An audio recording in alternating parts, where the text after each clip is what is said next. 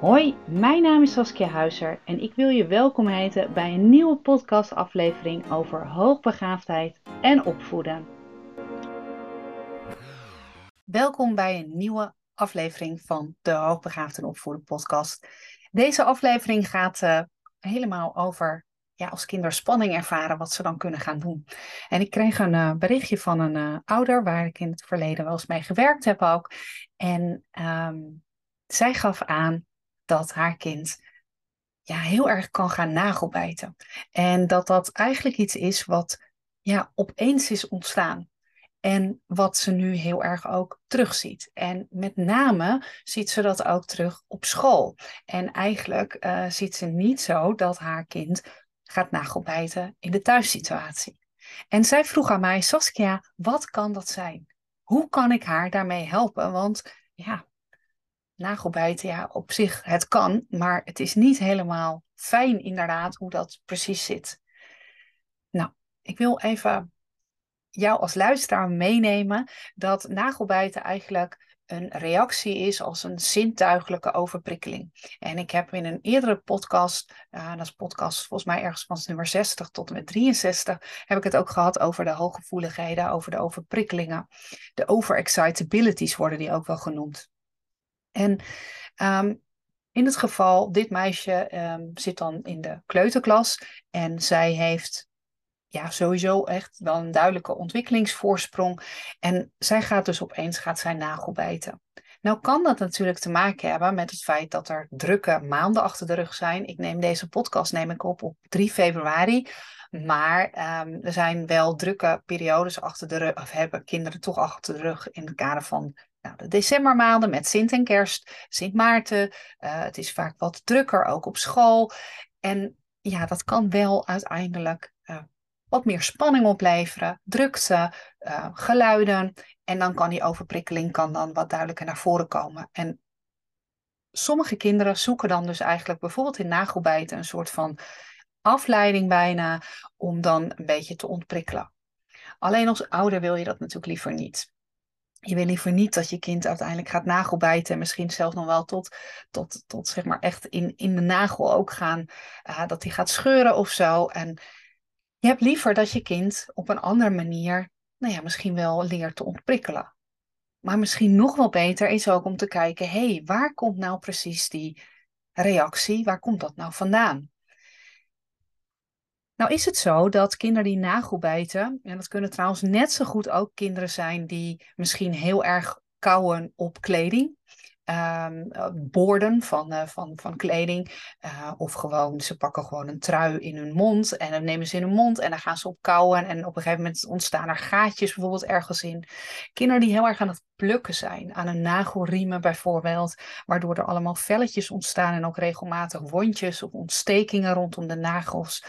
Um, kinderen die, die over hun huid de hele tijd aan het soort, ik wil niet zeggen aan het krassen zijn, maar wel dat ze zo erg aan het wrijven zijn dat er bijna een, ja, een droge huid kan ontstaan, een soort huidbarrière, een beetje eczeemachtig. Um, dat leren kinderen eigenlijk ook ergens zichzelf aan, omdat het kind niet helemaal in balans is. Nou, het is heel moeilijk om er precies achter te komen van wat is nou de reden. Uh, is het inderdaad die, zijn die drukke maanden?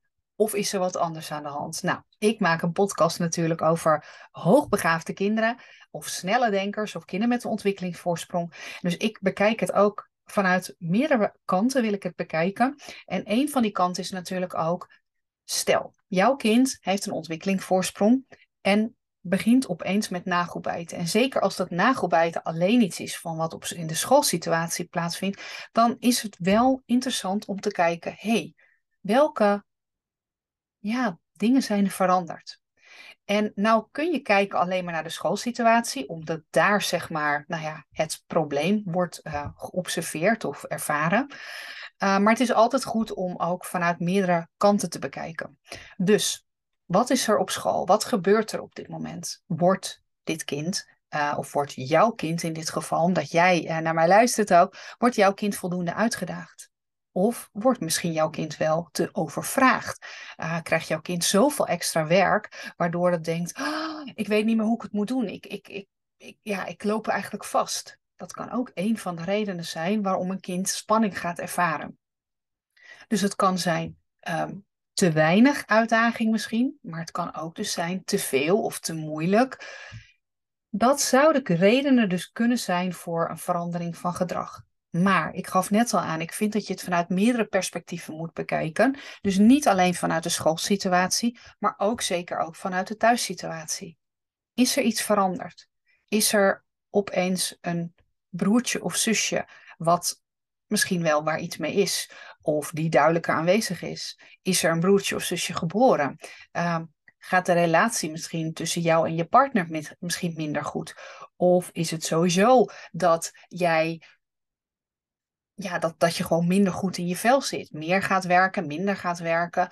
Ja, er zijn allerlei redenen in ieder geval om ja, daar iets in ieder geval naar te kijken. Maar wat ook dus een reactie kan geven uiteindelijk ook op jouw kind.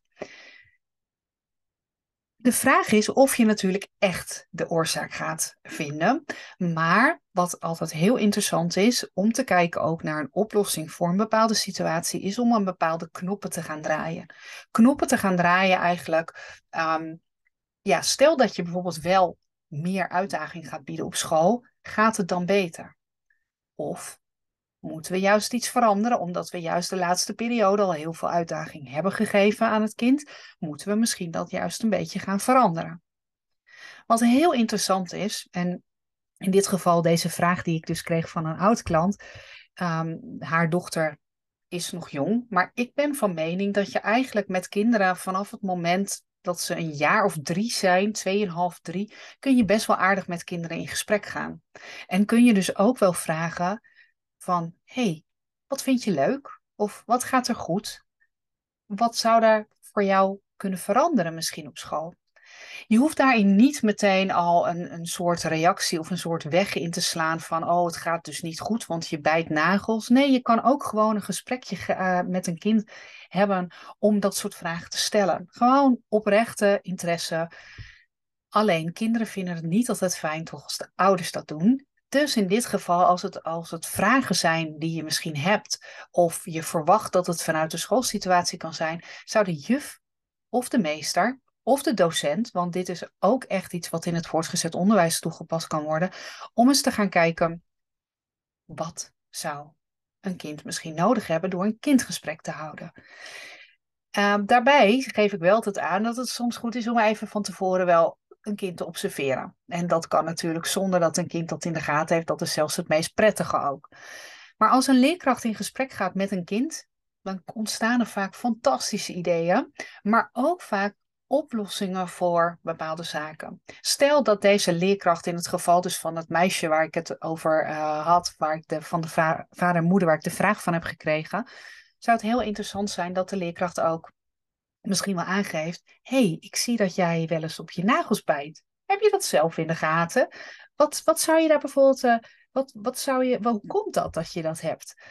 Um, je kan dus op de man, recht op de man afvragen, maar je kan ook uiteindelijk gewoon gaan aangeven: van, nou, hoe vind je het nou op school? Vind je het makkelijk? Vind je het moeilijk? Wat zou je willen veranderen? Wat vind je echt top gaan? Wat, waarvan denk je van nou, daar zou ik nog wel tips voor kunnen gebruiken. Je zou op heel veel verschillende manieren een vraag kunnen stellen aan een kind, zonder dat je meteen echt gaat aangeven van oh jee, er is iets niet goed. Want dat gevoel geeft soms nog meer spanning en nog meer onzekerheid bij kinderen. Dus ga het gesprek aan. En als jij als onderwijsprofessional luistert, bespreek gewoon met een kind ook wat je zou kunnen, kunnen gaan doen. Kinderen we gaan vaak wel met kinderen in gesprek. En dat heb ik ook gezien toen ik zelf leerkracht was. Maar ik betrap me er, betrapte me er toen wel eens op dat ik dacht: ik vraag eigenlijk veel te weinig wat een kind nu precies zelf zou willen. Of wat een kind zelf denkt. En juist die momenten dat een kind aangeeft van, nou, ik zou het leuk vinden om, uh, ik noem maar wat, als het een jong kind betreft, ik zou wat uh, moeilijkere boekjes willen lezen. Of een uh, kind van het voortgezet onderwijs die misschien zegt, nou, ik zou alvast um, willen kijken of ik bijvoorbeeld een taal voor volgend jaar kan leren. Bijvoorbeeld, ik noem wat Duits. Als je in de eerste zit, krijg je nog geen Duits. Nou, ik zou daar eens naar willen kijken. Zou ik dat boek eens mogen inzien? Of dat geeft al aan dat een kind iets wil. En nou ben ik er, ben me er helemaal van bewust. En dat geldt ook als jij oplossingen bedenkt of je kind tips geeft over de thuissituatie. Die kunnen soms heel erg mooi zijn, maar niet uit te voeren. En dan is het best wel moeilijk dat je je kind dan misschien moet zeggen: nee, ik denk toch niet helemaal het juiste idee wat we kunnen doen of het juiste oplossing. Alleen je kunt dat ook op een andere manier kun je dat zeggen. Wat ten alle tijde belangrijk is, is dat je laat zien dat je een kind hebt gehoord. Of je eigen kind, je eigen zoon of dochter, of misschien wel de leerling in je groep. En dan is ook de vraag, gaat daarna ook een kind misschien ander gedrag vertonen? Sowieso, het gehoord en gezien worden maakt al zoveel verschil.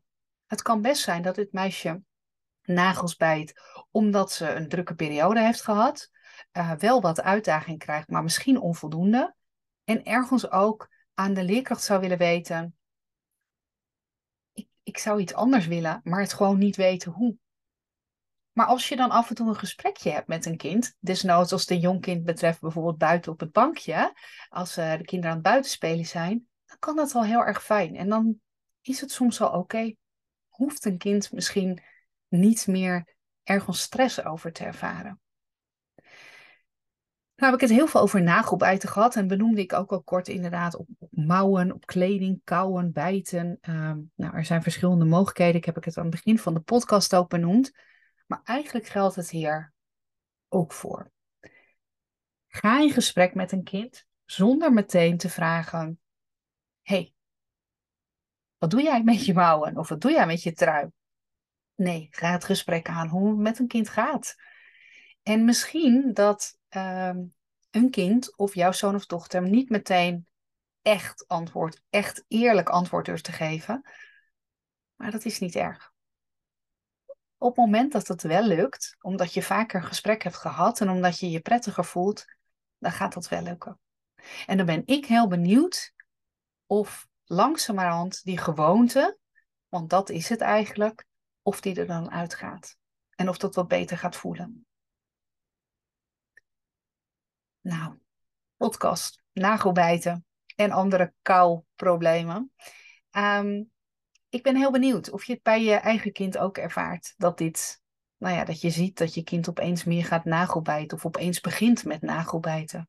Kijk eens of je hier, of je ergens achter kan komen. Of je er iets mee kan doen. En het zijn soms ook fases. En um, dat is natuurlijk met alles zo. Maar een fase kan ook heel erg zijn dat kinderen zien dat een buurmeisje of een buurjongen uh, of een klasgenootje aan het nagelbijten is en het uiteindelijk denkt, oh, ga ik ook eens proberen en het dan zo gaat doen. Dus er hoeft niet altijd een, ja, iets achter te zitten. Maar als een kind het op school doet en thuis niet, dan is het wel even goed om echt te kijken van, hé, hey, waar is er verandering in en waar en welke knop zouden we kunnen draaien. Nou, ik ga deze podcast afsluiten. Heel veel succes in ieder geval. Mocht je erop willen reageren, laat het me gerust weten. Via Instagram kun je me het beste bereiken. En dan uh, reageer ik in ieder geval altijd op je berichtje.